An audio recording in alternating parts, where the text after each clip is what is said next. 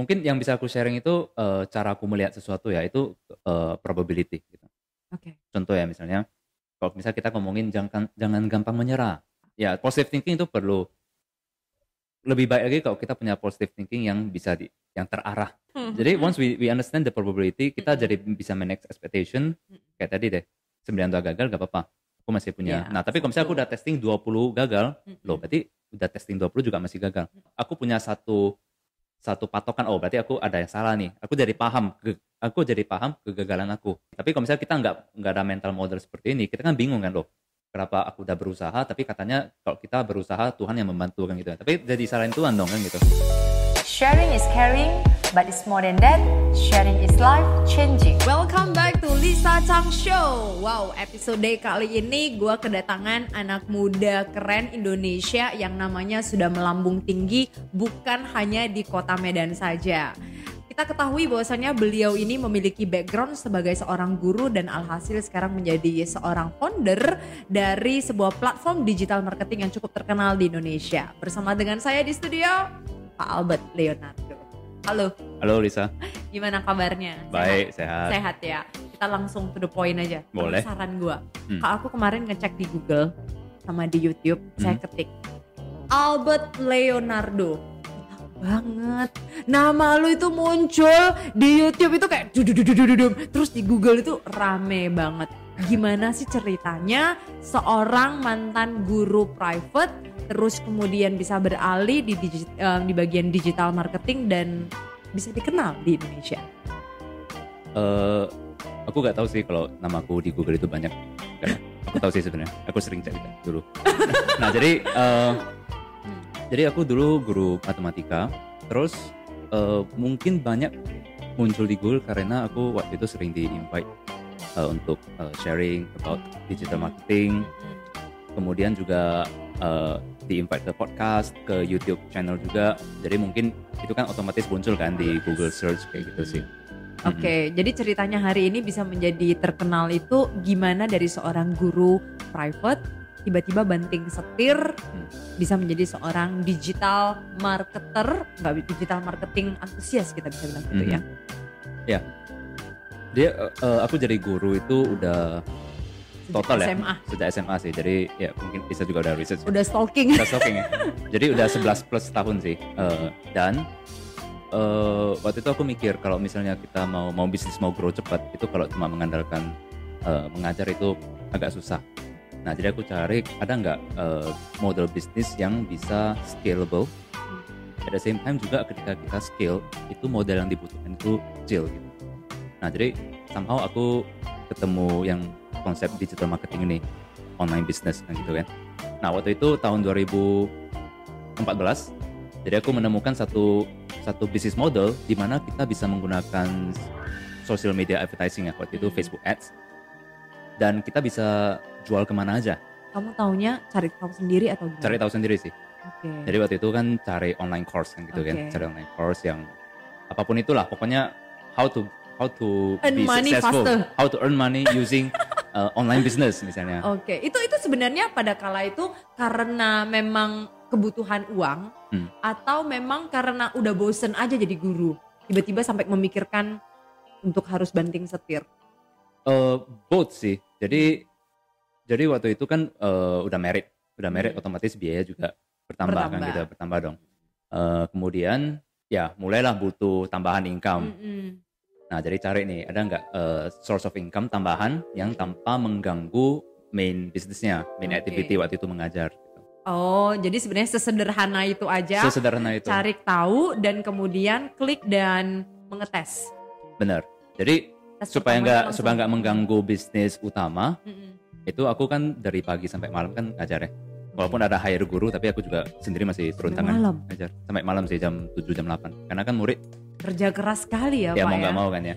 Jadi Oke, nah demi jadi benar ya aku juga eh, ada discuss sama my wife waktu itu. Mm-mm.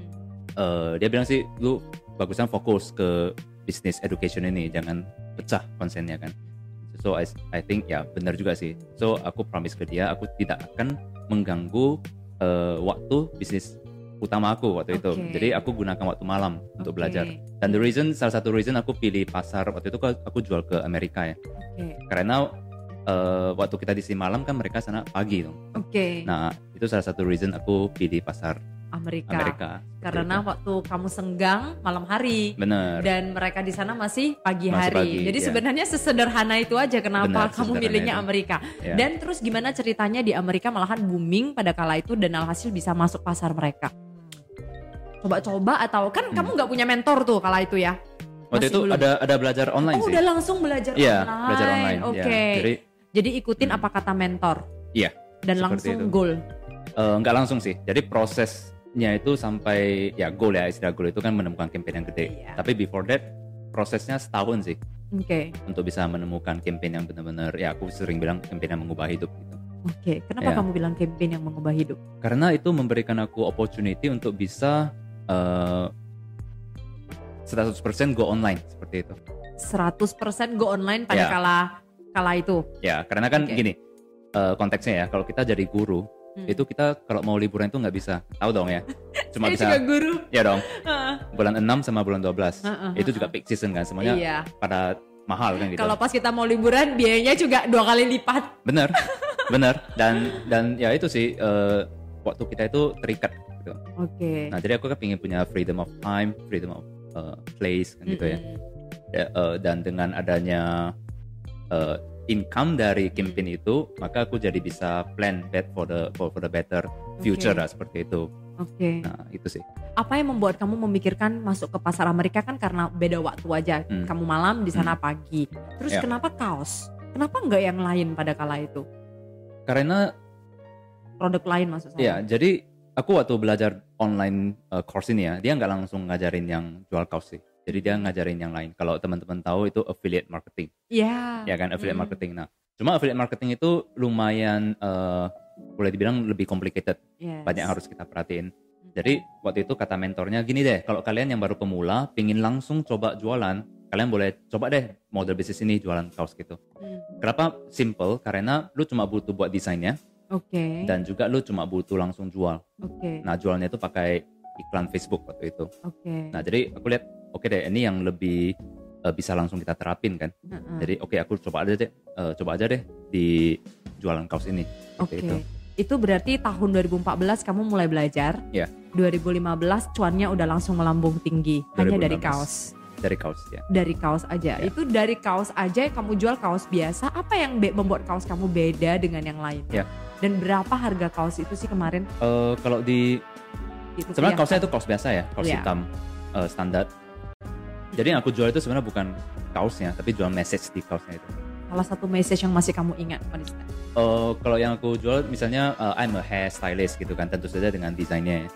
Dengan, Hmm. dengan desainnya. Jadi biasa kita yang jual kaos itu, yang jual message itu ya, kita cari message-message yang yang unik, yang lucu, yang menyentuh seperti itu sih. Oke.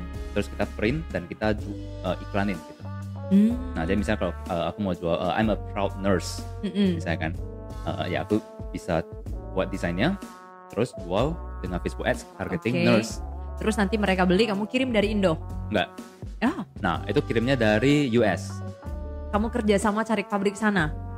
jadi di Ya aku kok kayak orang pengen penasaran bisnisnya.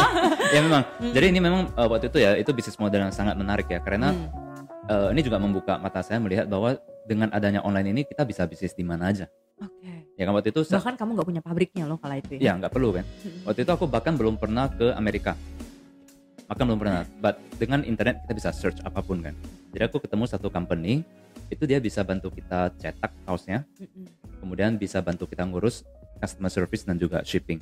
Oke. nah jadi jadi mod, s- model bisnisnya simple sih. Kita buat desain Oke. terus kita upload ke company itu nanti dia akan buat mock up-nya kan nah kita gunakan mock up itu untuk iklanin jadi itu kan berupa foto berarti Iya. kita belum perlu perlu keluar uang sih Oke. fotonya kita iklanin misalnya nih mau mau target ke nurse gitu Oke. kan nah, ada yang beli Mm-mm. baru mereka pembayaran barulah perusahaan ini bantu kita cetak dan deliver Oke. Jadi kata kuncinya itu adalah yang kamu jual itu cuma idemu ya. Ya ide sih I- idenya Benar, kamu dan terus kemudian berhasil sampai tembus sehari itu berapa sih kamu pernah masih ingat nggak sih kaos yang pernah kamu jual?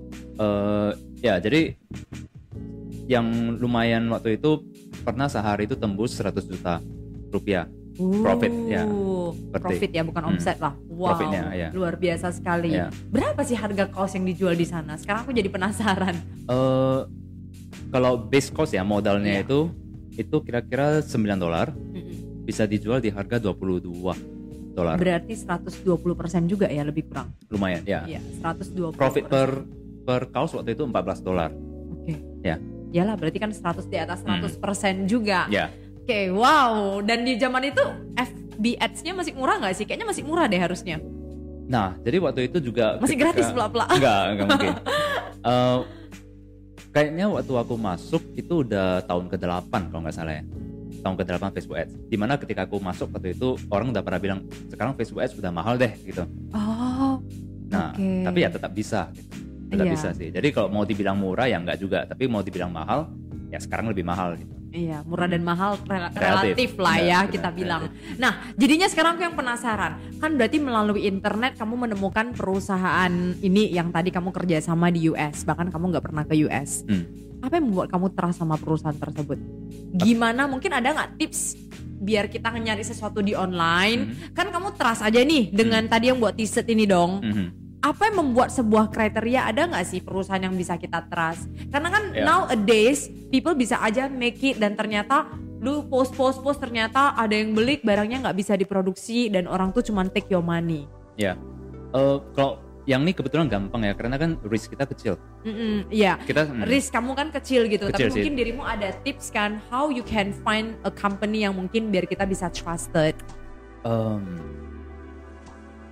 sekarang banyak banyak review perusahaan sih. Aku aku lupa namanya tapi basically kita cukup ketik nama perusahaannya terus Lihat review. spasi reviews. Nah, itu kan bisa bisa muncul banyak sih Oke. sekarang. I mean sekarang zaman transparan lah. Kita Yes. kalau aku yakin banget kalau individu atau company yang mau nipu Mm-mm. itu dalam semalam udah bisa ketahuan sih. Oh, Ya, Oke. Karena karena informasi itu sekarang transparan Luar banget. biasa sekali. Nah, so satu hal yang bisa kita pelajarin ya sama teman-teman kalau misalnya Anda itu mau bangun bisnis secara online bisa aja, tetapi tetap harus jeli, bukan hanya giving you 100% trust tapi without you check all those things. Iya. Jadi ya artinya mungkin kemarin perusahaan yang ngecetak baju itu mungkin kamu nggak pernah ketemu dia, nggak kenal, tapi at least yang dilakukan sama Albert itu recheck dulu Iya. reviewnya seperti apa. Ya. Oke, kita bilang omset 100 juta per hari itu berapa lama bisa bertahan sih bisnis model seperti yang kamu jalankan itu?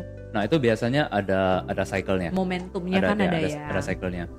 Oh, ini berarti ngomongin model bisnisnya ya? Iya, model bisnis sama yang pada saat kamu zaman itu loh bisa bertahan Oh. berapa lama? Jadi kalau per produk itu biasanya kalau kita ketemu message Yang bagus. yang bagus dan itu nggak selalu ya. Jadi bisa jadi kita desain 10 message hanya satu atau dua yang winning, yang profit. Mm-mm. Yang 8 sisanya itu mungkin uh, rugi Support, gitu. ya.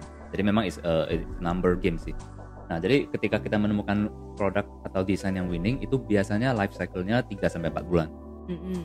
Artinya begitu kita ketemu, kita gunakan Facebook Ads, kita tambahin budget iklan, push terus, Oke. push sampai dia mencapai peak uh, atau uh, market share-nya udah kita ambil kan. Oke. Kemudian dia mulai turun, nah kita harus cari lagi produk lain, desain lain. Oke, berapa persen budget iklan yang harus kita kita keluarkan dari em, yang kita targetin gitu? Hmm. Tadi kan misalnya aku targetnya mau dapat omset berapa Hmm. gitu kan? Berapa sih berapa persen budget iklan yang harus dikeluarkan?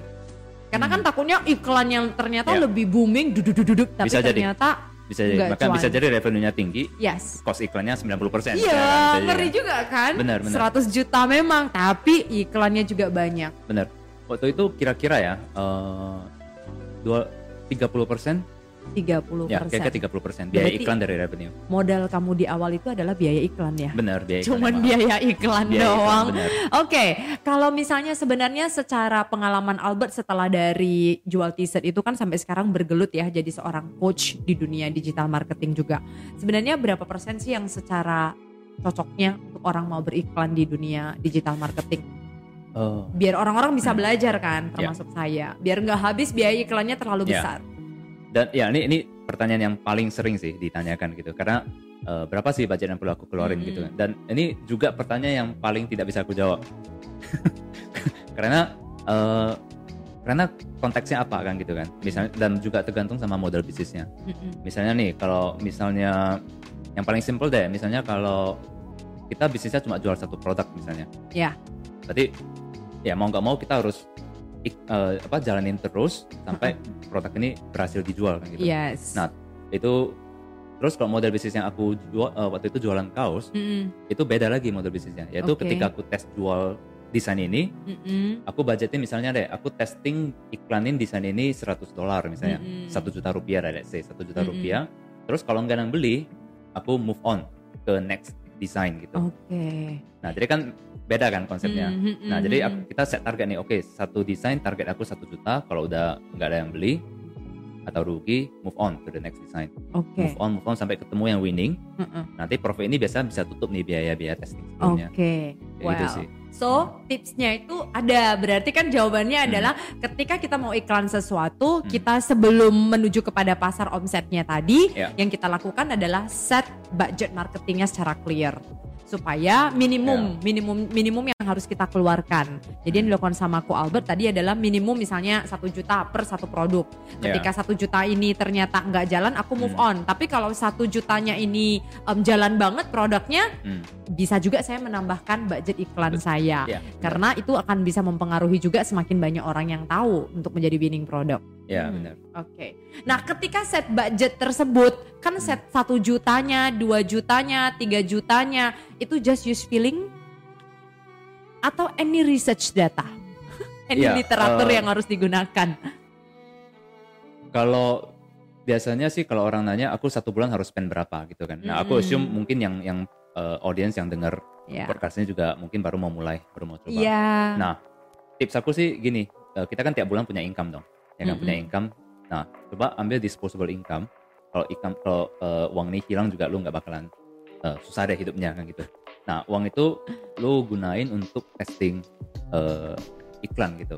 Oke. Dan asumsi lu udah punya produk ya. Kalau misalnya lu belum punya produk ya lu coba dropship pakai produk orang lain ya atau jadi reseller gitu. Oke. Tapi kan di sini konteksnya kita mau belajar marketing, mau belajar jualannya. Nah, Mm-mm. lu punya terserah budgetnya mau berapa 500 ribu per bulan 1 juta per bulan tergantung Hmm. income lu terus lu tes let's say deh 1 juta per bulan lu tes lu pasti belajar dong dari karena kan nah lu, lu juga jangan eh, jangan cuma tes tanpa belajar lu udah tes lu pelajari datanya gitu. itu kan Hmm. tujuan belajar kan nah lu, lu pelajari datanya dari 1 juta spending walaupun nggak ada sales Hmm. tapi lu pasti punya data apa misalnya oh ternyata iklan aku itu yang klik dikit orangnya Mm-mm.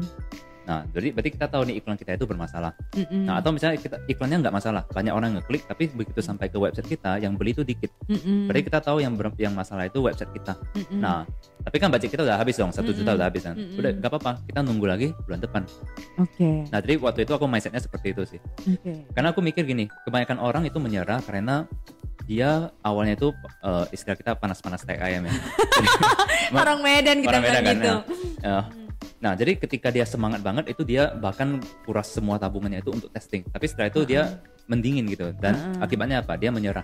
Ketika Oke. dia satu bulan pertama, tiga bulan pertama nggak ada hasil. Oke. Nah, jadi sebenarnya di, di tahun 2014 kan aku belajar ya waktu itu. Sebenarnya Uh-uh. tujuh tahun sebelumnya 2007 berarti. Uh-uh. Aku udah mencoba belajar sih, Oke. tapi gagal. Oke. And then aku stop gitu. Ya itu itu Uh-uh. aku tahu problem aku waktu itu. Oke. That's why di tahun 2014 aku mikir aku harus stick harus konsisten. Nah, aku pakai Yes. mindset apa? Mindsetnya aku yang tadi aku cerita tiap bulan sisihkan uang. Nah, kalau misalnya udah habis, anggap aja uang belajar, uang belajar bahasa Inggris. Oh, Oke, anggap aja kamu uang les lah Nah, ya. aku aku aku sering gunakan uh, analogi ini ya. Kita belajar kita uang les Inggris misalnya kan. Kita juga nggak mungkin belajar tiga bulan langsung kuasai dong. Yes. Kita bahkan perlu spend tiga tahun empat tahun. Iya. Nah, sama dong. Kenapa ini bisnis yang bisa menghasilkan uang? Bener nggak? Lu lu spend Bener. satu bulan dua bulan terus lu harapin ada hasil gitu. Oke, oke. Nah, jadi waktu itu mikir ini anggap lifelong learning gitu. Iya. Nah, jangan jangan harap cuma akan berhasil dalam satu dua bulan enggak. Aku udah prepare sih myself kalau memang mau tiga bulan baru sukses juga gak apa-apa. Oke. Ya. Karena you like it or you dislike it, digital Hmm. marketing ini akan menjadi platform untuk future business. Bener. Jadi ja- em, kalau misalnya kamu nggak mau coba sekarang, ya Ya. lima tahun lagi waktu kamu coba memang zamannya mungkin sudah berubah, tapi at least you Ya. got the basic already. Hmm. Wow. Dan what is the thing that we can get everyone? Apa yang bisa kita pelajarin adalah yang membuat Ko Albert hari ini bisa sangat oke sekali di du- dunia digital marketing ya kata kuncinya konsistensinya. Konsisten. Konsistennya tiap bulan terus ngiklan, ngiklan dan alhasil that's why kenapa t-shirtnya bisa omset ratusan juta. Oke, Ko, apakah yang dilakukan tadi ini kan kita cerita nih produk Hmm. ya. Apakah yang tadi dilakukan tadi itu sekarang kan aku menemukan ya ada orang yang juga iklan branding diri sendiri loh Hmm. yang ada call to action juga yang saya nggak tahu ya Mhm. karena tiba-tiba muncul di tempatku kulihat kan ya ini orang kok sponsor mukanya sendiri gitu kan kita bisa lihat sponsor kan berarti dia iklan, Hmm. Iklan, kan ah. seperti itu nah apakah konsep tadi bisa digunakan untuk personal branding bisa banget sih bisa banget Hmm. aku bukan pakar branding ya aku penasaran sih Iya. itu iklanin mukanya sendiri itu dia iklanin mungkin dia pengen orang follow dia ya Ah, Jadi ibaratnya um, biasanya kan ada muncul tuh adalah um, apa ya kan produk. Hmm. Terus saya lihat sponsor. Terus aku kan nggak follow orang ini, Hmm. aku nggak being friend. Ya. Ya tapi karena muncul kan nggak tahu ya saya buka juga Hmm. seperti itu. Ya. Nah itu kan berarti menggunakan ads dong. Ya. Gitu. Ya. Nah, apakah ads ini akan sangat mempengaruhi sekali juga ke bagian untuk orang menjual barangnya tapi dia menjual jasa pribadi. Nah, orang ini yang kulihat juga dia nggak jual jasa. enggak deh Enggak, dia nggak jual jasa. Cuman ya mungkin dia mau branding diri dia. Hmm. Mungkin ya, bisa ya bisa jadi gitu. Ya. Sebenarnya berlaku nggak sih ads ini juga untuk ya pro berarti produknya ya manusianya, Hmm. jasanya. bisa Jadi jadi sih bisa. misalnya dia mungkin dia tuh selebgram misalnya kan Iya. contoh ya dia tuh selebgram Atau terus dia OTW menuju itu. ya terus dia kan pengen kumpul real followers kan karena kan Yes. kok beli fake followers kan Yes. itu nggak ada artinya Mm-mm. Eh, dia dia mau real followers dia iklan Ah-ah. berarti dia invest di awal kan gitu Ah, ah. nah setelah itu mungkin setelah dia punya banyak followers dia baru baru endorse Iya. itu bisa banget bisa banget. dicoba ya. Bisa banget. Tapi aku punya- coba. aku punya satu Bisa. satu tips Oke. kalau aku eh, biasa iklan aku konsepnya itu eh, performance marketing gitu jadi nggak cuma awareness Oke. kalau misal iklan awareness itu artinya ya lu nggak usah ngukur eh, ROI-nya langsung yang penting lu iklan misal lu spend budget 10 juta per bulan Mm. untuk bantu ningkati awareness lu kalau awareness itu kan susah diukur ya branding itu kan Hmm. susah diukur Iya. tapi kalau yang aku biasanya aliran aku itu performance marketing artinya setiap iklan yang aku jalanin itu harus bisa diukur returnnya berapa Mm-mm. nah jadi kalau misal kita jual produk ya aku harus make sure iklan ini bisa tutup apa penjualannya bisa tutup biaya iklan aku Oke. contoh nih misalnya misalnya kalau aku jualan online course misalnya kan Iya. aku jualan online course nah aku juga bisa iklan pakai Instagram pribadi aku Albert Leonardo misalnya kan Mm-mm. Nah, tapi ketika aku iklan eh, dengan menggunakan IG Albert Leonardo, aku ada jual produk, yaitu Oke. online course-nya misalnya. Iya. Nah, setelah mereka beli, nah profit yang aku dapat dari course itu, itu nut- buat nutup biaya iklan. Mm-mm. Nah, jadi ketika campaign ini profitable, aku bisa Mm-mm. jalani iklan ini seterusnya dong, Iya. sepanjang tahun kan gitu. Nah, Iya. otomatis di satu sisi aku profit, di saat di sisi lain followers aku bertambah Oke. secara personal brandingnya gitu. Oke, oke. Nah, itu sih. Jadi satu sisi bisa lakukan em, dua dua hal di satu Sekaligus, tempat sekaligus gitu Benar, ya. benar. Tapi kalau kita cerita berarti kan personal branding bisa dipakai, Hmm. jual produk juga bisa dipakai. Yang penting kita punya budgetnya. Hmm. Nah, yang buat gua penasarannya adalah begini. Kalau misalnya Ko Albert ada orang yang mau membeli produknya ini, membeli produknya kan sampai setengah tadi kan bilang performance ya, dan dia nggak beli. Eithernya antara sampai setengah atau orang nggak ngeklik gitu. Ada nggak sih dari Ko Albertnya sendiri ada tips Hmm. untuk dari gambar kah atau sesuatu yang menarik berdasarkan pengalaman kamu? Ya. Apa yang how to engage karena I I learn a bit tentang ini sebelum interview dia kan aku kayak belajar baru lah ya kan. Hmm. Detik tiga detik pertama Hmm. video kita terus sesuatu itu harus eye catching dan semuanya. Hmm. What is your opinion? Ataukah mungkin dari pengalaman kamu sih? eh Padahal aku amazed sama Lisa ya. Berarti interview ini mungkin cuma satu jam, tapi your research mungkin satu minggu ya. Because you have to you have to watch a lot of videos kan untuk bisa ask this question ya. Lu- luar biasa sih. Harus kok Uh, karena kamu udah terlalu pintar aku oh, nanti nggak mudeng pula kan. Nah jadi eh, kalau di iklan konteksnya gini. Kita semua tahu deh sekarang itu sosial media itu noise, noise-nya luar biasa ya. Jadi eh, attention span orang itu singkat banget. Jadi scrollnya itu cepet banget. Nah, jadi iklan kita itu supaya menarik perhatian orang, pertama kita fokus, kita nggak usah menarik perhatiannya dulu, kita menarik matanya dulu is- istilahnya. Oke. Jadi buat iklan kamu eh, di 1 sampai 3 detik pertama itu eye catching. Oke. Eye catching misalnya kalau sekarang orang kebanyakan iklan menggunakan eh, video yang warna-warni dan sebagainya. Coba lu Hmm. iklannya pakai black and white. Oke. Jadi lu tampil beda dulu. kontras. Kontras, Oke. benar. Nah, jadi ketika orang lihat, oh ini kenapa black and white? Terus dia kan udah stop, matanya udah stop kan? Nah, kemudian lu eh, tarik eh, apa Logiknya. logiknya dia, Logikanya. masa mainnya dia. Dia kan harus, dia udah stop terus next one. Nah, Terus dari detik ketiga sampai detik keenam gitu ya lu harus make sure message lu itu on point. Jangan terlalu panjang. Jadi make sure dalam satu kalimat, dua kalimat lu udah bisa menyampaikan apa yang bakalan dia dapat dari iklan ini gitu. Nah, apa pun itu tergantung produk kamu. Ya kan? Misalnya kalau public speaking. Nah, bagaimana tampil ya itu mungkin Lisa lebih pintar buat message-nya. Tapi intinya sih bagaimana uh, menjadi berani berbicara depan umum. Ah, ah, ah. Ya kan? Nah, ketika dia lihat oh ini menarik ya. Baru kemudian yang ketiga kita hope dia klik Klik. call to action-nya kan dia klik baru menuju ke website.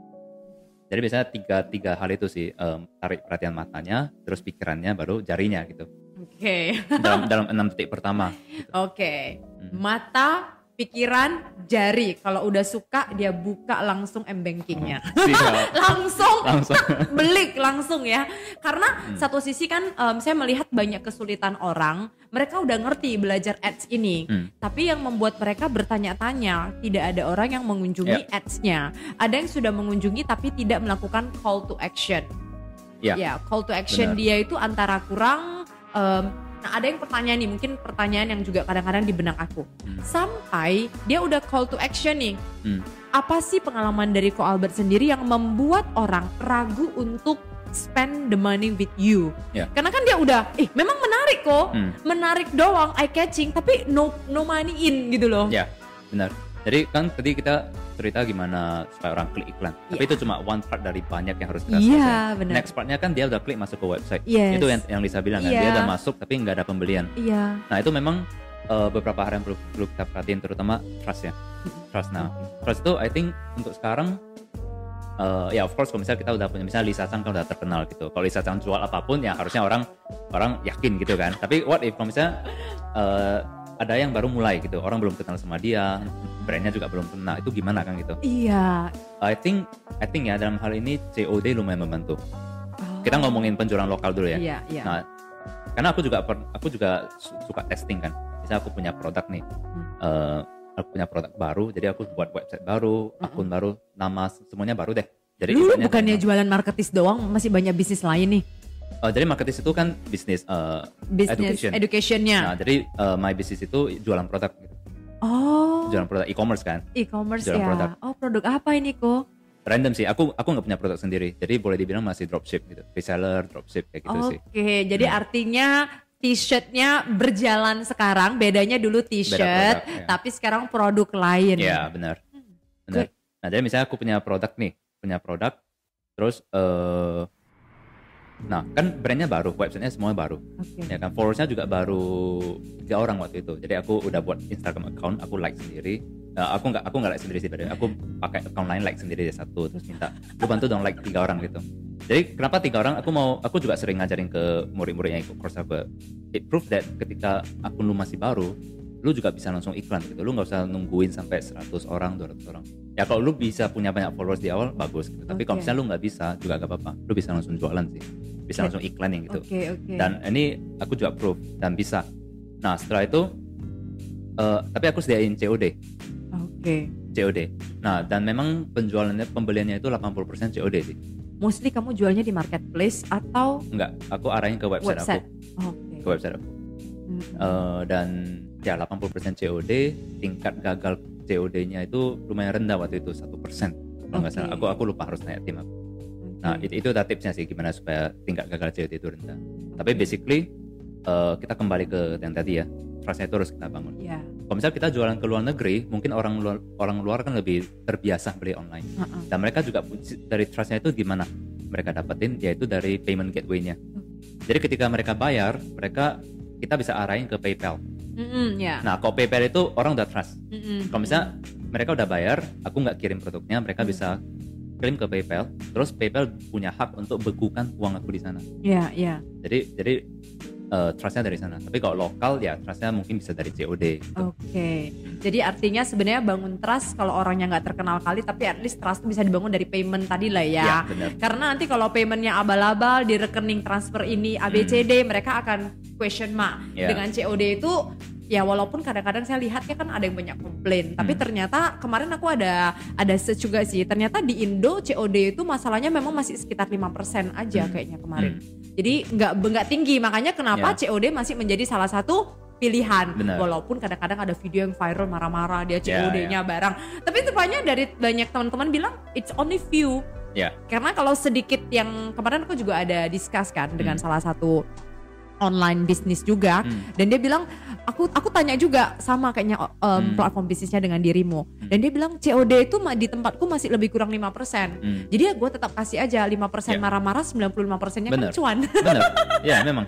It's number game kan. Again kan. It's number of game. Jadi Ya. ya orang kan suka dikit-dikitnya marah-marahnya mungkin Ya. sharing. Ya. Oh, oke. Saya dapat ilmu course free dari Marketis ID untuk teman-teman semuanya kalau mau belajar langsung, dimentorin langsung, Anda boleh langsung cek di Marketis karena kenapa? Berdasarkan dari pengalamannya Ko Albert tahun 2000-an tadi, 2007 ya. Ikut tidak ada mentor, cuma ikut course dan hasilnya pas-pasan dan ketika 2014 sudah ada mentor hasilnya beda. Kali aja 2022 Anda bisa cuan kalau dapat mentor Ko Albert. Siap, siap.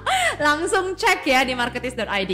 Nah, kita ngomong nih, kita kan udah ngomong digital marketing sampai sebegitu mendetail. Aku penasaran next, sebenarnya seorang digital market dan digital marketer ya kita bilang ya, Hmm. harus punya mindset seperti apa sih supaya bisa berhasil? Mindset yang tepat. Hmm. I would say ya banyak sih ya. Ya, Uh, mungkin dalam beberapa tips mindset yang harus Anda punya. Em, kalau aku sih,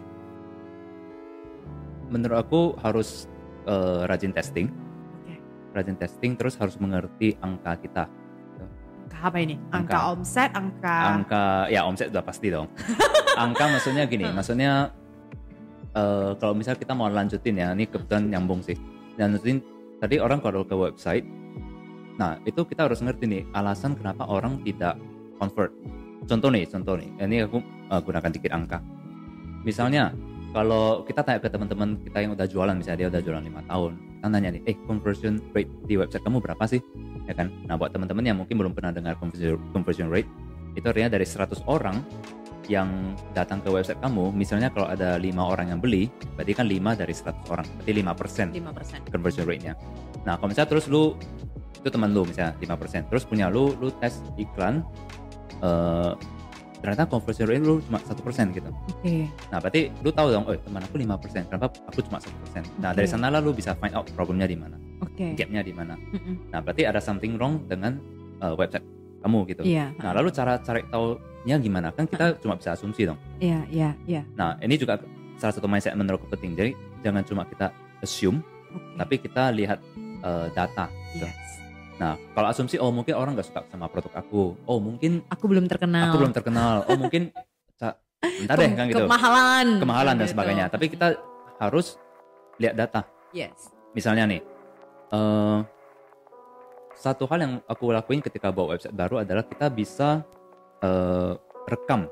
Oke. Rekam apa? Rekam aktivitas pengunjung website kita. Ya, yes. Pernah nggak dengar itu? Iya, iya. Nah itu We have it di www.sml1.id. ada juga ya? Ada. Oh nice. Jadi lu bisa lihat kan orang waktu Karena timnya IT saya ada ikut kelasnya Pak Albert. itu siap. kan Pak Mes kemarin ikut kan, Nah. special special class. Nah itu jadi jadi kita bisa bisa track bisa lihat eh, mereka bah- bahkan pergerakan mouse-nya itu kita bisa lihat mereka klik apa dan sebagainya. Nah dari sana kita bisa temukan misalnya nih ternyata mereka cuma lihat bagian atas website kita, Oke. sedangkan bagian bawahnya itu cuma 2% orang yang scroll. Ya, Nah ya. kalau seperti ini berarti kita tahu nih problemnya berarti di bagian atas website kita itu aja udah nggak menarik gitu, tidak cukup menarik untuk mereka mau lanjut ke bawah. Oke. Berarti kita apa yang perlu kita solve ya kita fokus ke bagian atas website itu dulu kan Oke. misalnya headline-nya dibuat lebih menarik, foto Oke. produk dibuat lebih menarik, atau kita solve deh kira-kira orang kenapa nggak mau scroll ke bawah. Nah kita harus cari tahu itu dulu. Nah kita perbaiki, Hmm. terus kita lanjut lagi iklanin, Mm-mm. datangkan traffic testing. Nah Mm-mm. seminggu kemudian kita review lagi, cek lagi analytics-nya. Oh sekarang udah mulai nih, udah mulai yang Scroll tadi ke bawah. ya udah mulai 50% orang scroll ke bawah, berarti udah berhasil dong. Mm-mm. Nah, betul kita cek lagi. Setelah itu pembelian pertama nggak? Oh ternyata meningkat nih dari satu persen naik jadi tiga persen. Nah berarti kita berhasil dong solve problem nih. Nah terus pingin nih naik ke 5 persen. Nah kira-kira apa lagi ya? Nah dari data-data seperti itu kita bisa lihat contoh deh kita pakai Google Analytics mungkin pernah dengar. Yes. Mm-mm. Kita bisa trace eh, orang spend berapa lama di website kita. Apakah Iya. cuma satu menit? Apakah cuma 30 detik? Nah pokoknya banyak sekarang data-data yang bisa kita pelajari untuk cari tahu problemnya di mana. Oke. Jadi menurut aku itu skill eh, membaca data, eh, skill analytics yang dibutuhkan untuk menjadi seorang digital marketer. Oke. Jadi Hmm. ini adalah modal yang harus Anda punya. Artinya modalnya jangan hanya asumsi aja, Ya. karena ketika kamu asumsi, yuk kamu nggak ngomong dengan data, Hmm. nanti uang yang masuk ke kantongmu juga asumsi. Jadi biar uangnya jelas, berarti spendingnya juga Ya. harus jelas. Ya. Oke, Colbert, wah ini Hmm. aku kalau nanya bisa kayak belajar terus aku. Siap, siap. Kalau tadi kan ceritanya website nih, Hmm. aku penasaran, kenapa dirimu fokus jualannya itu di website? Hmm. Apakah karena hanya bisa untuk trace data? Kenapa nggak di marketplace? Kita ketahui Ya. di Indonesia sendiri spending di toko hijau dan toko orange Hmm. is quite high. Yep. Dan kenapa tidak ke em, di marketplace? Karena ketika Ya. seseorang mau cari sesuatu kan nggak dulunya ya. Hmm. Kalau orang mau belanja tak dipungkiri orang kan cari di Google Hmm. mungkin. Tapi sekarang saya melihat teman-teman dan orang sekitar dan termasuk saya mau Ya. cari sesuatu, saya buka toko orange Ya. atau toko hijau. Benar. Dan why kalau di marketplace kan kita punya Ya. more chances. Kebetulan aja sih, kebetulan eh, aku waktu awal belajar itu ya arahin ke website, arahin ke Oke. dan memang eh, banyak banyak yang bisa kita pelajari dari kita punya website sendiri. ya kan? Oke. Nah, tapi bukan berarti marketplace itu nggak nggak bagus gitu. Yes. Cuma kebetulan aku belum begitu masuk Belum ke sana. belum masuk ke sana. Ya, tapi itu Oke. bagus sih. Tapi again ya itu tergantung bisnis model. Misalnya kalau aku nggak punya produk sendiri, aku nggak aku nggak punya brand sendiri, gitu. Eh, mungkin agak kurang make sense untuk aku masuk ke marketplace Why? karena pasti perang harga dong. Ya nggak. Kecuali nah aku punya nih punya temen yang dia punya brand sendiri, itu itu make sense ma- masuk ke marketplace Oh. karena dia nggak nggak nggak compete harga kan dia punya Oke. brand sendiri. Oke. Nah, tapi kalau misalnya bisnis model aku dropship, resell, masuk ke marketplace ya mungkin mungkin bisa cuma to view. Berarti Hmm. berdasarkan pengalaman sarannya adalah kalau orang udah di marketplace at least produknya atau brandnya sudah dikenal dan itu trustnya udah lumayan gitu ya. atau at least punya brand sendiri deh. Iya, atau at least punya itu. brand sendiri. Iya. Tapi kalau kita masih belum punya brand sendiri, kalau kita melalui website, Hmm. orang kan yang tadinya masih ragu dengan baca banyak info di website kita, dia merasa lebih lega. Karena Iya, ya gitu kah? ya. Dan juga Mm-mm. em, mungkin kita juga mikir ya. Hmm. Aku yakin Lisa juga sama seperti saya. Ketika kita membeli sesuatu, kita pasti research dulu dong. Ada nggak harga yang paling bagus gitu deh. ya kan, kan seperti itu ya. Tapi kenyataannya nggak semua pembeli seperti itu. Aku aku kebetulan kan kok, Ya. tergantung kok. Kalau misalnya produknya memang aku jujur nggak pinter nyari harga Hmm. terbaik. Hmm. Biasanya aku masih pakai logikaku. Oh, Hmm. masuk nggak harga segini? Oh, memang masih sesuai budget dan go ahead. Nah Tap- itu. Ya, tapi juga ada beberapa produk yang aku search sih. Nah itu. Kalau kalau aku mungkin cowok ya. Jadi mau mau tarik harga ter apa gitu paling paling popo gitu ya. Nah tapi kenyataannya eh, tidak semua orang seperti itu. Contoh contoh Lisa juga kan. Lisa juga bilang oh ini harganya kira-kira udah masuk. Udah deh nggak usah research lagi Ya. langsung beli. Dan memang aku ada nanya ke teman-teman lain. Kebetulan yang aku nanya itu juga cewek ya. Dia bilang sama. Pokoknya harganya udah masuk. Aku punya uang itu nggak usah lagi research. Oke. Pokoknya ini barangnya kan udah ada. Langsung Iya. beli. Nah artinya apa? Artinya kalau kita punya website sendiri, aku sering menemukan ini. Eh, aku lihat iklan, kan Mm-mm. gitu kan. Dia jual apa deh, sapu pel dan sebagainya deh. Mm-mm. Aku sering, aku suka klik eh, dan menuju ke website. Mm-mm. Terus dia jual harganya 195.000. Oke. Yang kalau kita ke to- ke toko hijau sama Mm-mm. toko orange itu harganya mungkin cuma 80.000, Ah, ah, ah, ah. 70.000. Ah, ah. Dan dia itu iklannya udah udah lama. Kan Oke. bisa lihat dari likes-nya kan. Iya. Artinya apa? Artinya dia kalau bisa iklan selama itu berarti iklannya udah cuan. Oke. Artinya ada orang yang beli gitu di website. di websitenya. Mm-mm. Jadi Oke. bayangin di toko hijau cuma 80.000 di toko di website dia itu bisa 195.000. Dua kali lipat. Ya artinya memang ada market yang mereka nggak concern sama harganya yang penting toko lu meyakinkan bisa gampang beli mungkin bisa COD udah langsung beli gitu. Oke. Nah Jadi artinya ya dari kuku tergantung ya bisnis model. artinya berarti kalau misalnya kita kita taruh produk kita di toko hijau atau toko orange bisa jadi orang compare harga karena kan langsung kan Iya. benar nggak? Iya. Nah tapi kalau di website kita orang nggak orang nggak akan kepikiran compare harganya. Nah, Hmm. Logikanya gini, Hmm. aku ngiklan cuap, terus kemudian mau beli silakan klik link di bawah ini. Ya. Ku kasihlah link toko em, toko hijau atau orange. Ya. Oke, pas dia klik kayaknya nggak mahal, keluar yang bersamaan. Benar, benar. Terakhirnya, mhm, kamu Bisa bisa ya? aja di waktu bersamaan kamu Bisa. promo punya orang lain. Exactly, exactly. Exactly benar, ya. Benar. Tapi ketika kamu sudah promo lewat iklan kamu, terus kamu kasih linknya adalah produknya kamu, Dan ketika masuk ke dalam sana, kamu cuma punya satu tugas meyakinkan apa yang ada di dalam. Ya, benar. Dan orang akan melakukan call to action. Ya. No, I got a point. Why? Hmm. Aku cuma penasaran, kenapa nggak di marketplace? Ya juga ya, karena Ya. saya juga gitu. Ketika udah masuk ke marketplace, ih, kan dia muncul tuh. Karena kita search Ya. ini marketplace kan dia muncul yang hampir bersamaan. Bener, bener. Tetangga pula. Ya. Ih, beda seribu, beda gopek. Benar, benar. Bah- Bahkan mungkin beda review kan, review dia lebih banyak gitu. Apalagi kayak kita baru mulai, berarti disarankan. Ya. Ya, ya, ya. Udah. Kecuali kalau punya brand sendiri. Iya. Contoh teman aku dia dia jualan kopi. Dia waktu itu juga jual di website. Terus dia pertama kali baru mau masuk ke marketplace kan gitu kan. Tapi dia brandnya udah udah ada gitu. Oke. Nama brandnya dia, dia udah ada. Jadi ketika orang masuk ada muncul kopi-kopi lain pun dia jual kopi by the way. Ada muncul kopi lain pun ya orang nggak bakalan beli karena Yes. orang mau brand dia. Yes. Trustnya juga sudah terbuild ya. Ya. Ya, ya. Oke. Well, teman-teman, maklum aku anggap kita sama-sama lagi belajar biar nanti pintarnya kita sama-sama, cuannya kita sama-sama. Kali aja Ya. kalau ke Albert ratusan jutanya pernah dapat, saya doakan yang hari ini mendengarkan kamu you can get more. Well, Albert, kita ngomong tentang ini udah bisnis, bisnis, bisnis semuanya. Pernah nggak sih di momen kamu dulu waktu mulai iklan, kamu pernah habis berapa sih yang kamu rasa sampai kamu nggak pernah cuan? Kan tadi Oh, earning ya, poinnya bisa dapat em, ratusan juta per hari itu pernah. Hmm. Tapi pasti pernah loss dong. pernah dong. Eh, dalam pernah dalam enam jam itu habis belasan juta. Salah i, salah target market. eh, terlalu agresif gitu, terlalu antusias, terlalu bersemangat gitu. Eh, karena ya, ya itu sih terlalu antusias. Harusnya aku agak slow down, cek dulu datanya. Tapi Oke. tapi karena kadang gini, kadang kita udah iklan terus hasilnya bagus kan. Ha-ha. Nah ketika kita scaling mau nambah budget Ha-ha. itu sebenarnya ada ada cara-caranya yang, yang lebih stabil gitu. Tapi aku waktu Oke. itu terlalu ingin cepet. Itu kapan kejadiannya? Baru-baru Itu, belajar atau gimana? eh, termasuk nggak juga sih nggak baru belajar sih. Justru udah udah belajar dan merasa coba deh gitu. Penasaran gitu. Pasti dia merasa udah bisa lah. Ya, sering sering sering seperti itu. Sering Jadi seperti itu. ya eh, dan ya dalam dalam enam jam gitu ya belasan juta gitu. Oh, Belasan juta rugi. rugi, tapi Hmm. habis itu kamu mikir cara lain lagi lah untuk cuan lah ya, Ya, pastinya.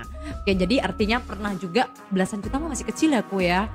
Kamu Tergantung. pernah sebulan itu sebenarnya kamu iklan untuk bisnis kamu itu berapaan sih? Lebih kurang budgetnya yang menurut kamu untuk pemula it's still okay.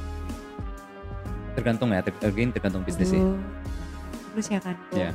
karena karena kalau misalnya ditanya eh, lu satu bulan iklan berapa, itu sebenarnya otomatis sudah bisa hitung omset sih. Ya nggak sih? Kan tadi lu udah nanya iklan aku 30% Iya, iya, bener nggak? Kali tiga kan udah iya, udah itu. udah langsung intinya langsung, kalau kamu punya target omsetnya adalah 100 juta, berarti at least lu spend iklan 30 juta still okay. Ya, Still okay. Kalau memang profitable bisnis produk kamu itu ya memang yang memang high juga. Jangan cuan produknya cuma 5% terus iklanmu 30%. Salah juga hitungnya. tapi ada, juga sih yang eh, dan di, di dropship ya yang di dropship itu banyak orang yang dia cuma iklannya itu bisa 50% bahkan 30 sampai 50 jadi 100% revenue kan produk cost itu 30% iklannya 50% Dia cuannya cuannya cuma 20%. 20% gitu. Bahkan kadang kalau dia udah skill itu cuma cuma 10% Oke. nah itu itu ada tergantung lah ya. Ada orang yang itu pun dia mau lakuin gitu. Iya. tapi kan again kalau bisnis ini misalnya kan bisnis ini kan transaksi nggak cuma transaksi sekali oleh pembeli kan. Kalau misalnya kita bisa build long term relationship sama customer kita next time kan kita nggak usah iklan lagi. Kita email list ke mereka email. Kalau email kan udah hampir gratis dong gitu. Iya, iya. nah dari email ada eh, dari email aja itu udah bisa dapat revenue tambahan kan Hmm. Nah, jadi jadi maksud aku apa? Jadi di awal bahkan ketika iklan kita itu nggak cuan juga gak apa-apa sebenarnya. As long as we know that next month atau next two months kita masih bisa cuan lagi dari orang yang sama. konsistensinya juga ya. Jadi konsistensi iklan dan konsistensi untuk Follow up. membangun hubungan Iya, benar, benar. dengan si customer juga harus terus dilakukan baru bisa terus cuan tuh. Jadi mindset seorang digital marketernya harus sangat kuat. Apalagi kalau produk kita itu yang bisa yang orang beli terus kan, misalnya skincare, Mm. suplemen itu kan orang nggak cuma gunakan sekali. Kalau udah cocok kan tiap bulan beli. Ada tips nggak sih kalau misalnya kita jualan kayak seperti dirimu dropship Hmm. atau yang memang kita jual produk um, yang memang kita sendiri nggak ada brandnya, Hmm. but we sell the other person's product. Maksudnya produk apa yang cocok untuk pemula? Aku mau bilang tergantung sih, tapi nanti nggak. Ya Ya. kan karena biasa gini orang kalau mau belajar kan dia pengen tahu Ya. kan apa sih yang cocok untuk pemula either apakah Hmm. em, clothing industry ataukah Ya. skincare gitu. kalau kebetulan aku kan iklan di Facebook ya di Facebook Instagram itu kebetulan skincare bukan nggak bisa iklan tapi mungkin agak susah agak susah dalam arti itu aturannya strict banget kita nggak boleh overclaim nggak boleh menjanjikan jerawat akan hilang dalam tujuh hari dan sebagainya Nanti Itu boleh. diturunkan iklannya. benar bahkan kita iklannya kata-katanya itu sudah kita jaga baik-baik pun tapi karena Facebook melihat kita jualan skincare itu dipantengin terus gitu nah takutnya ketika eh, orang yang baru belajar terus akun iklannya itu ban kan dia jadi down gitu kan Iya. jadi cobalah cari produk yang untuk pemula ya. Cobalah cari produk yang mungkin jangan sentuh dulu suplemen skincare. Ya Oke. kalau eh, fashion aman lah At least aman. berarti kita bisa bilang produk yang ketika orang lihat dia nggak harus punya ketakutan untuk mengkonsumsinya. Ya. ketika dia menggunakan risknya masih rendah. Jadi dia masih berani beli ya cobalah why not gitu ya. Ya ya. Oke. Zaman sekarang boleh coba sih mungkin peralatan dapur ya. Benar benar. karena emak-emak sekarang tuh ya mereka berpikir lumayan nih tapi setelah dikalkulasi ditambah jutaan juga jual belinya. Memang dibeli mangkoknya sekira sekira. Itu calon emak eh, mamaku Mama ya? kayak gitu. Oh gitu. Nggak kalau ada yang murah dia udah langsung ini promo begini Iya. ini promo begini. Oke well thank you banget tuh Ko Albert. Aku udah dapet gambaran kasarnya. Aku sih teman-teman ya mungkin Iya, kita iya. sama-sama belajar. Udah dapet gambaran kasar untuk teman-teman yang mau menjalankan bisnis. Nah ada ini pertanyaan yang pernah nanya. Kalau tadi kan website. Hmm. Aku harus pintar buat website dulu dong Ci Hmm. apakah do you have any tips? Eh, tidak harus pinter buat website. Karena sekarang banyak banget tools yang bisa bantu kita buat website. Seperti yang aku langsung kepikiran tuh misalnya wix.com ya. kan? Mhm. pernah dengar? Eh, di kawan yang lokal itu Berdu, Tokotok banyak sih.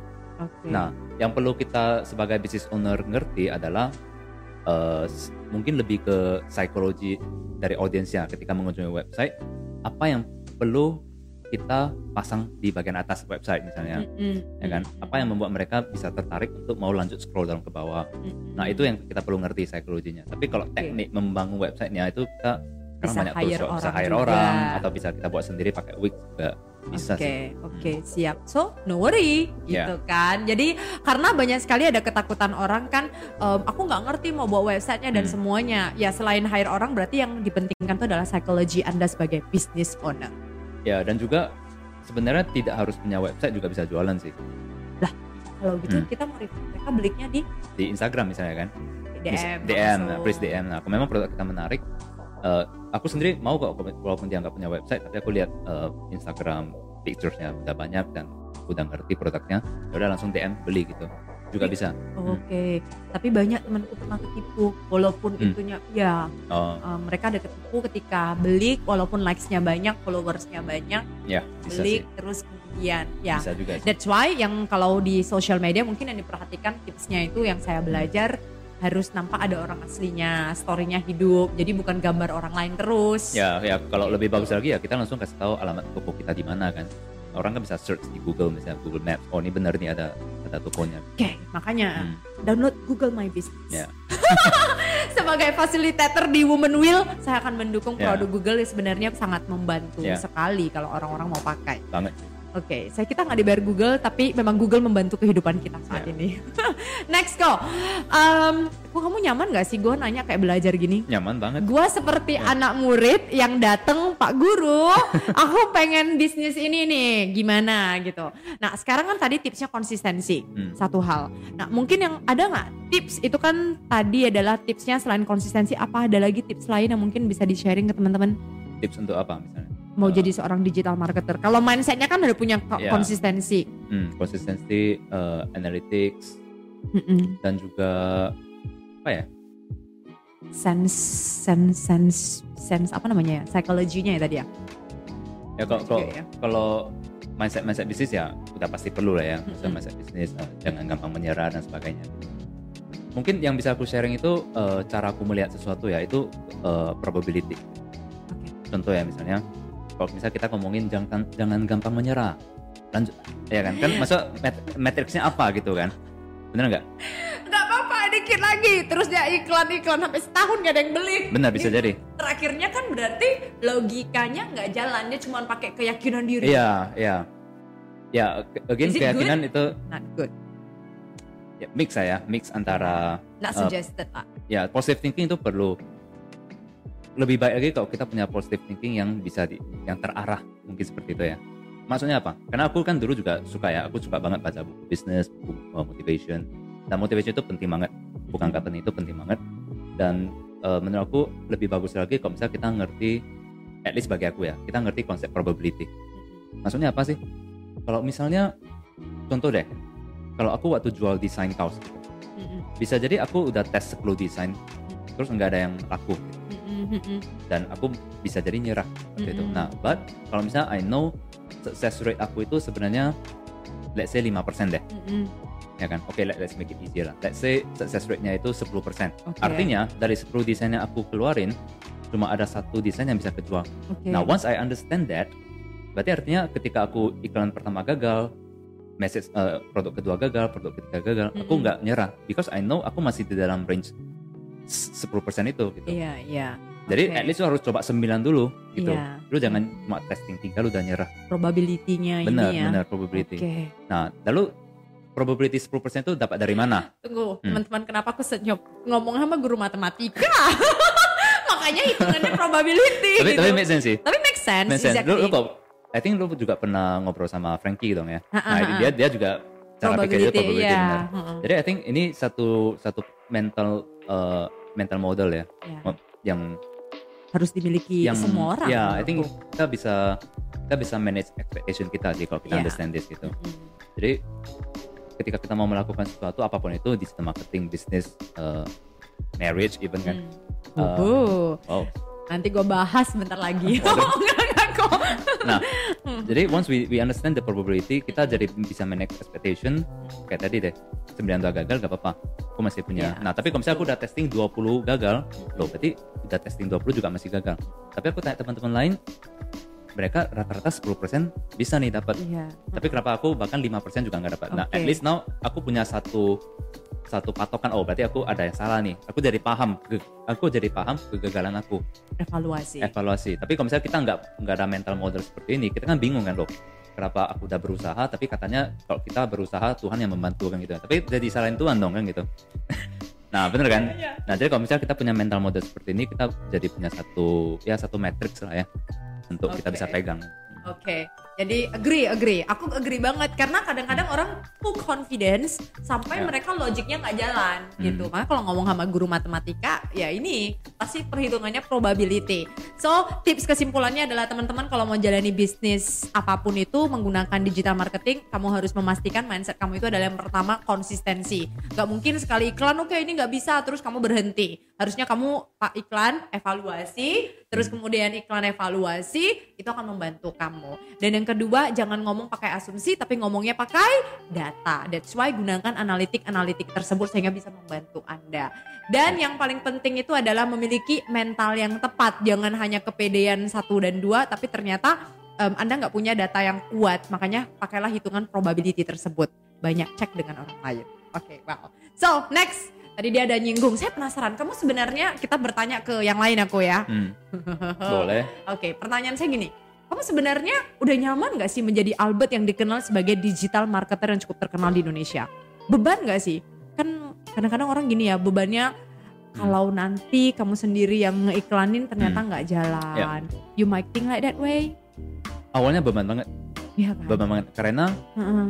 karena eh, aku awalnya kan memang jualan produk, Heeh. kemudian aku di invite untuk ngajar gitu. Jadi di invite sama temen, eh Bert, yuk kita buat workshop. Aku yang ngadain workshopnya, lu tinggal datang ngajar gitu. Heeh.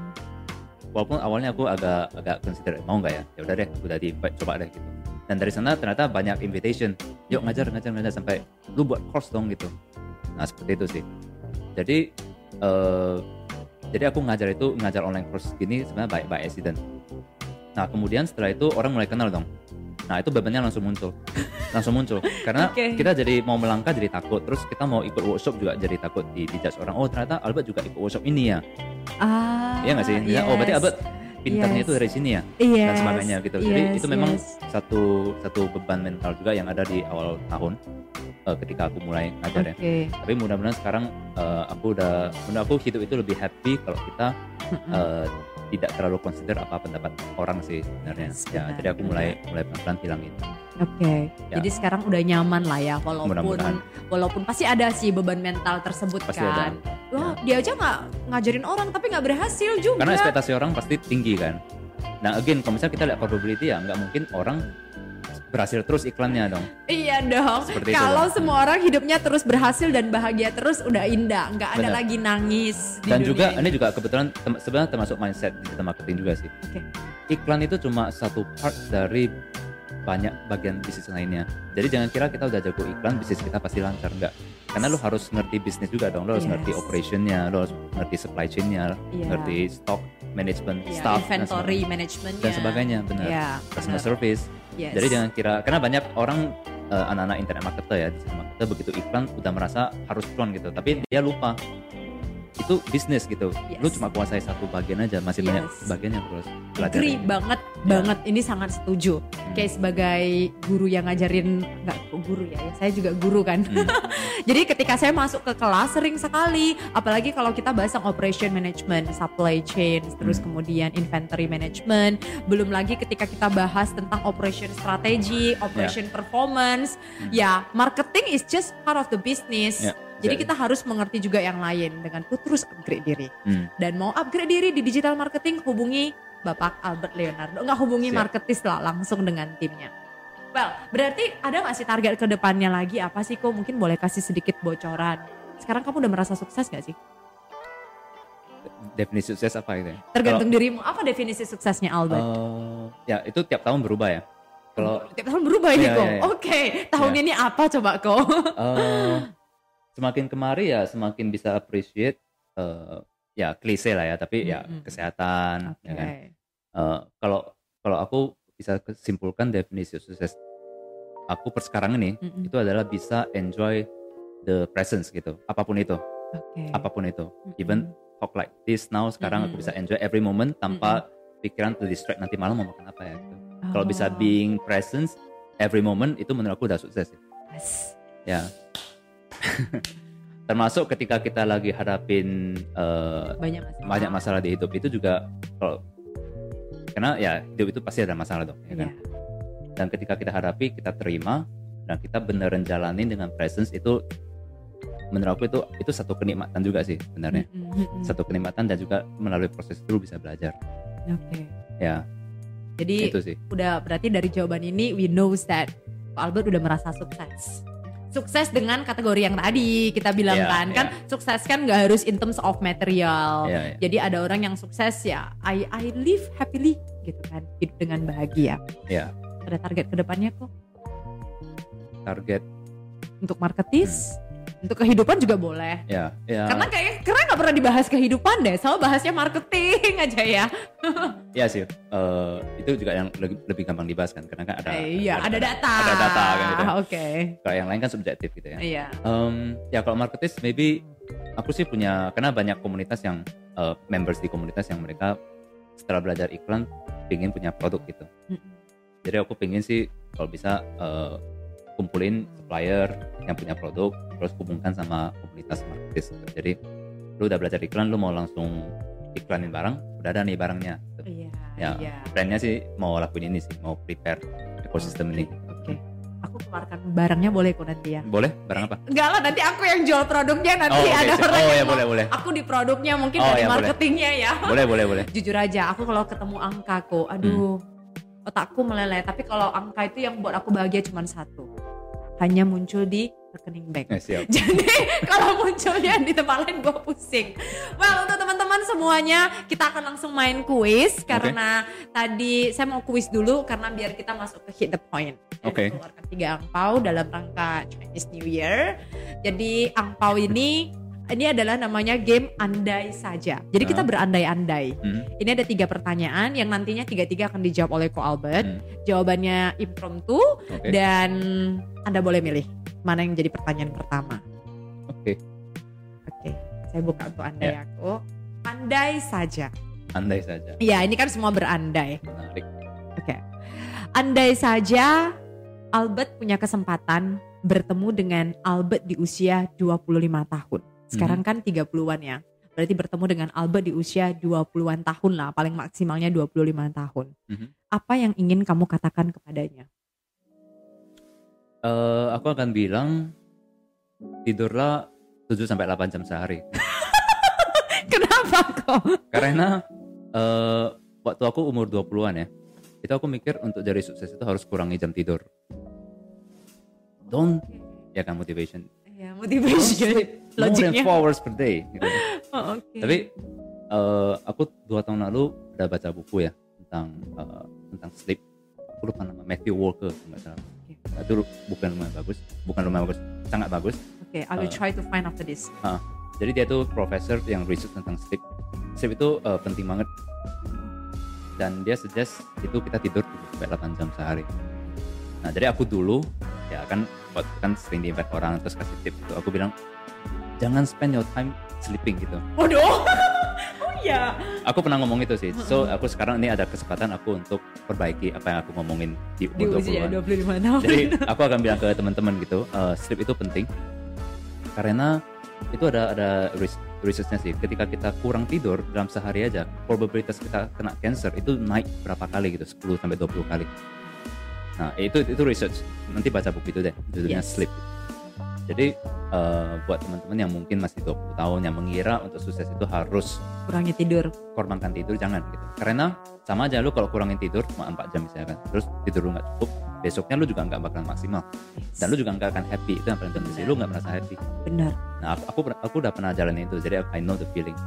Jadi aku sekarang much happier karena aku udah prioritaskan tidur dan it feels good gitu kita ketemu orang juga lebih lebih enak Ya, lebih fresh. lebih fresh sparknya juga orang bisa kerasa lah lebih, lebih enak gitu kan Yes. hopefully Mhm. Eh, ya itu sih Oke. So, halo Albert 25 tahun, di usia 25 tahun dia pengen bilang bahwasannya kalau bisa lu kemarin jangan kurangi tidur, I think kamu mungkin bisa memberikan maksimal lagi potensi di dalam dirimu lebih karena em, semangatnya juga bertambah. Saya setuju banget sih.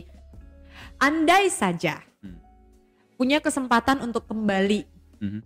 menjadi seorang guru private. Mhm. Hal apa Oke. sih yang pengen kamu lakukan? eh aku akan kalau dulu kan ngajarnya private ya murid datang gitu kalau aku akan balik ke masa ngajar aku akan mulai rajin ngajar di YouTube Karena dulu ngajarnya sangat manual ya. dulu sangat manual Oke. dan kalau misalnya aku bisa gunakan YouTube ya YouTube bisa bantu bangun personal branding terus aku akan buat online course ngajar mathematics ya mathematics dan aku bisa iklanin gitu jadi ya dong Ya benar-benar. Ya Jadi kan? sekarang masih ngajar ngajar nggak sih? nggak lagi sih nggak lagi Tapi bisnisnya tetap jalan. bisnisnya tetap jalan tapi baru ditutup gara-gara kemarin eh, apa sih pandemi kan ah, ah, ah. pandemi kita coba survive setahun itu kan negatif waktu itu Iya. pandemi Mm-mm. terus tahun kedua nggak nggak bisa survive begitu kami tutup deh Oke. Ya. so basically sekarang udah tutup eh, Fokusnya di marketis ya. fokusnya di marketing sama jualan online lah. Mm-mm. Hmm, Oke. tapi kalau misalnya bisa balik aku ada keinginan sih kalau misalnya nanti bisnisnya udah udah mulai apa kan jalan kalau punya waktu pingin eh, balik lagi ngajar math tapi dengan online gitu Mm. Why you love math so much? nggak tahu sih but I think Itu biasa kan pelajaran yang paling dibenci anak-anak ya. Tapi biasanya Ya. dibenci waktu jadi anak-anak nanti udah dewasa mereka suka. Karena because of Hmm. math bring you so much money. somehow aku merasa ya kalau orang bisa berpikir eh, logis Hmm. sama kritis itu dia mau ready dalam menghadapi hidup gitu. Not eng- enggak enggak harus. Bisa gini deh. At least dia bisa eh, sisi logisnya lebih muncul. At least ketika ada problem dia enggak reaktif Oke. gitu. Aku yakin sih somehow ada connection deh.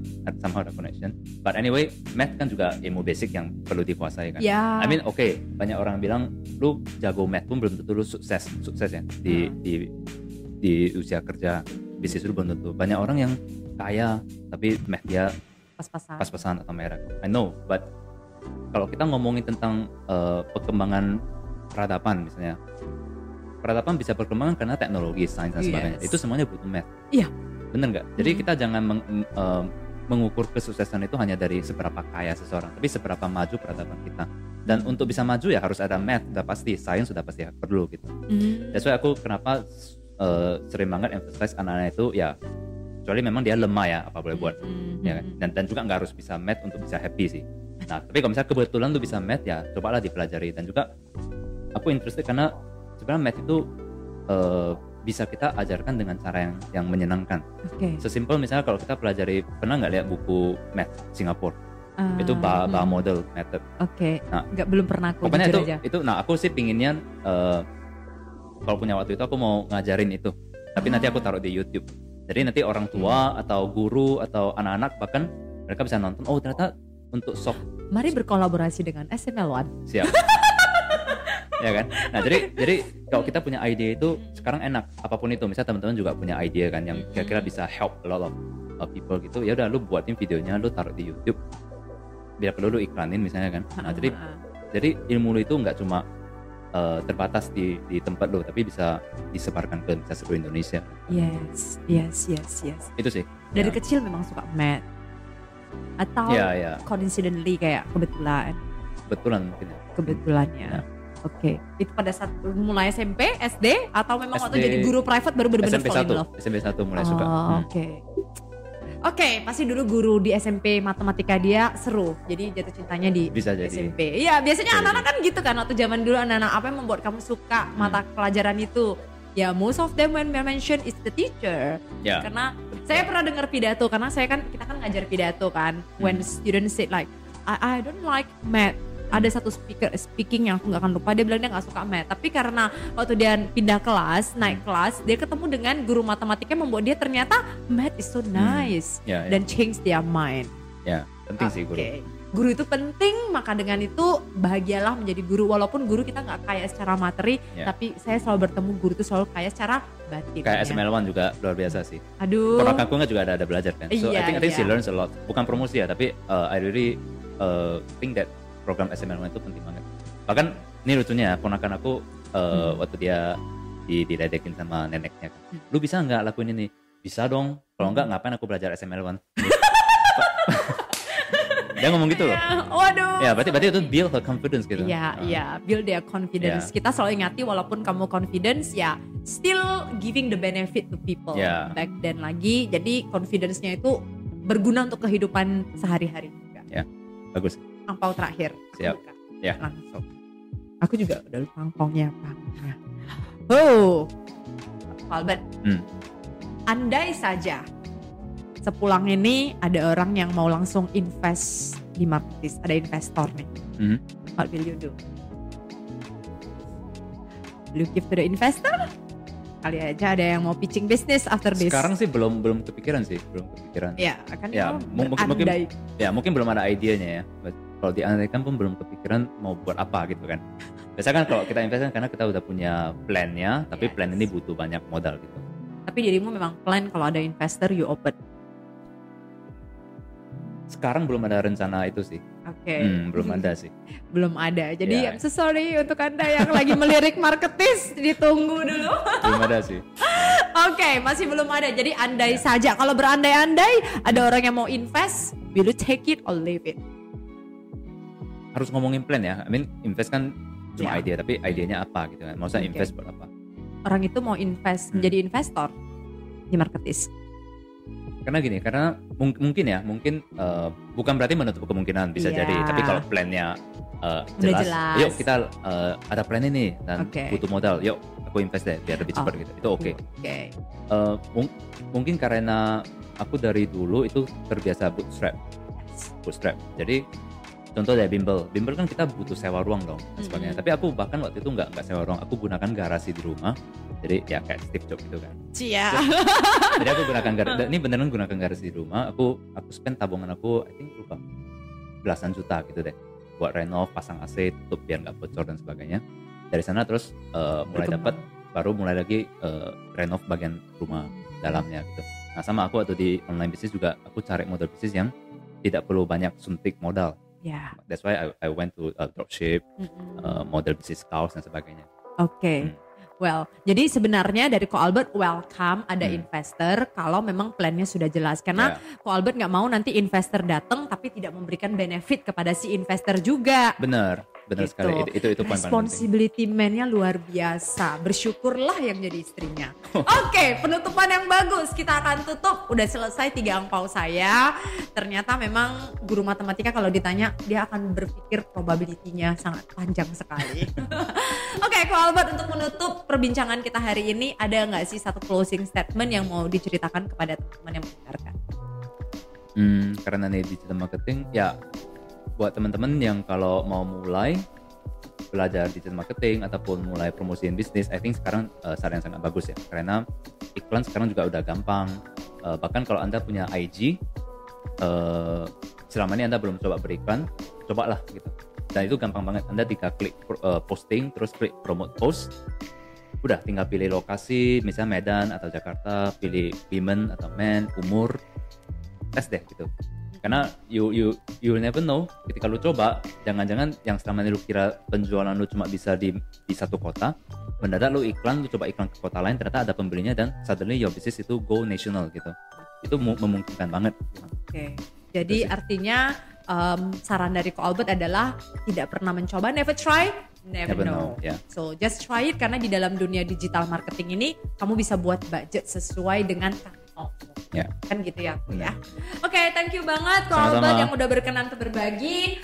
Oke, well untuk teman-teman semuanya, thank you banget sudah mendengarkan sampai di akhir. Berharap perbincangan saya dengan Ko Albert Leonardo bisa memberikan satu insight bagi Anda yang baru memulai berbisnis, Anda ragu untuk beriklan dan kamu punya satu mindset yang tepat. Ingat yang disampaikan oleh Ko Albert untuk senantiasa melakukan yang namanya konsistensi, no asumsi tapi talk dengan data dan yang jelasnya itu adalah memiliki mental yang tepat. Jadi Anda jangan salah mental untuk menjadi seorang digital marketing. Dan the last part is never try, never know. Thank you so much untuk udah mendengarkan. Anda boleh dengarkan di Google Podcast atau di Spotify. Kalau Anda merasa video ini bermanfaat, silakan komen, like, subscribe, dan pastinya share kepada orang yang membutuhkan. Thank you very much. See you on the next Bye. Sharing is caring, but it's more than that. Sharing is life changing.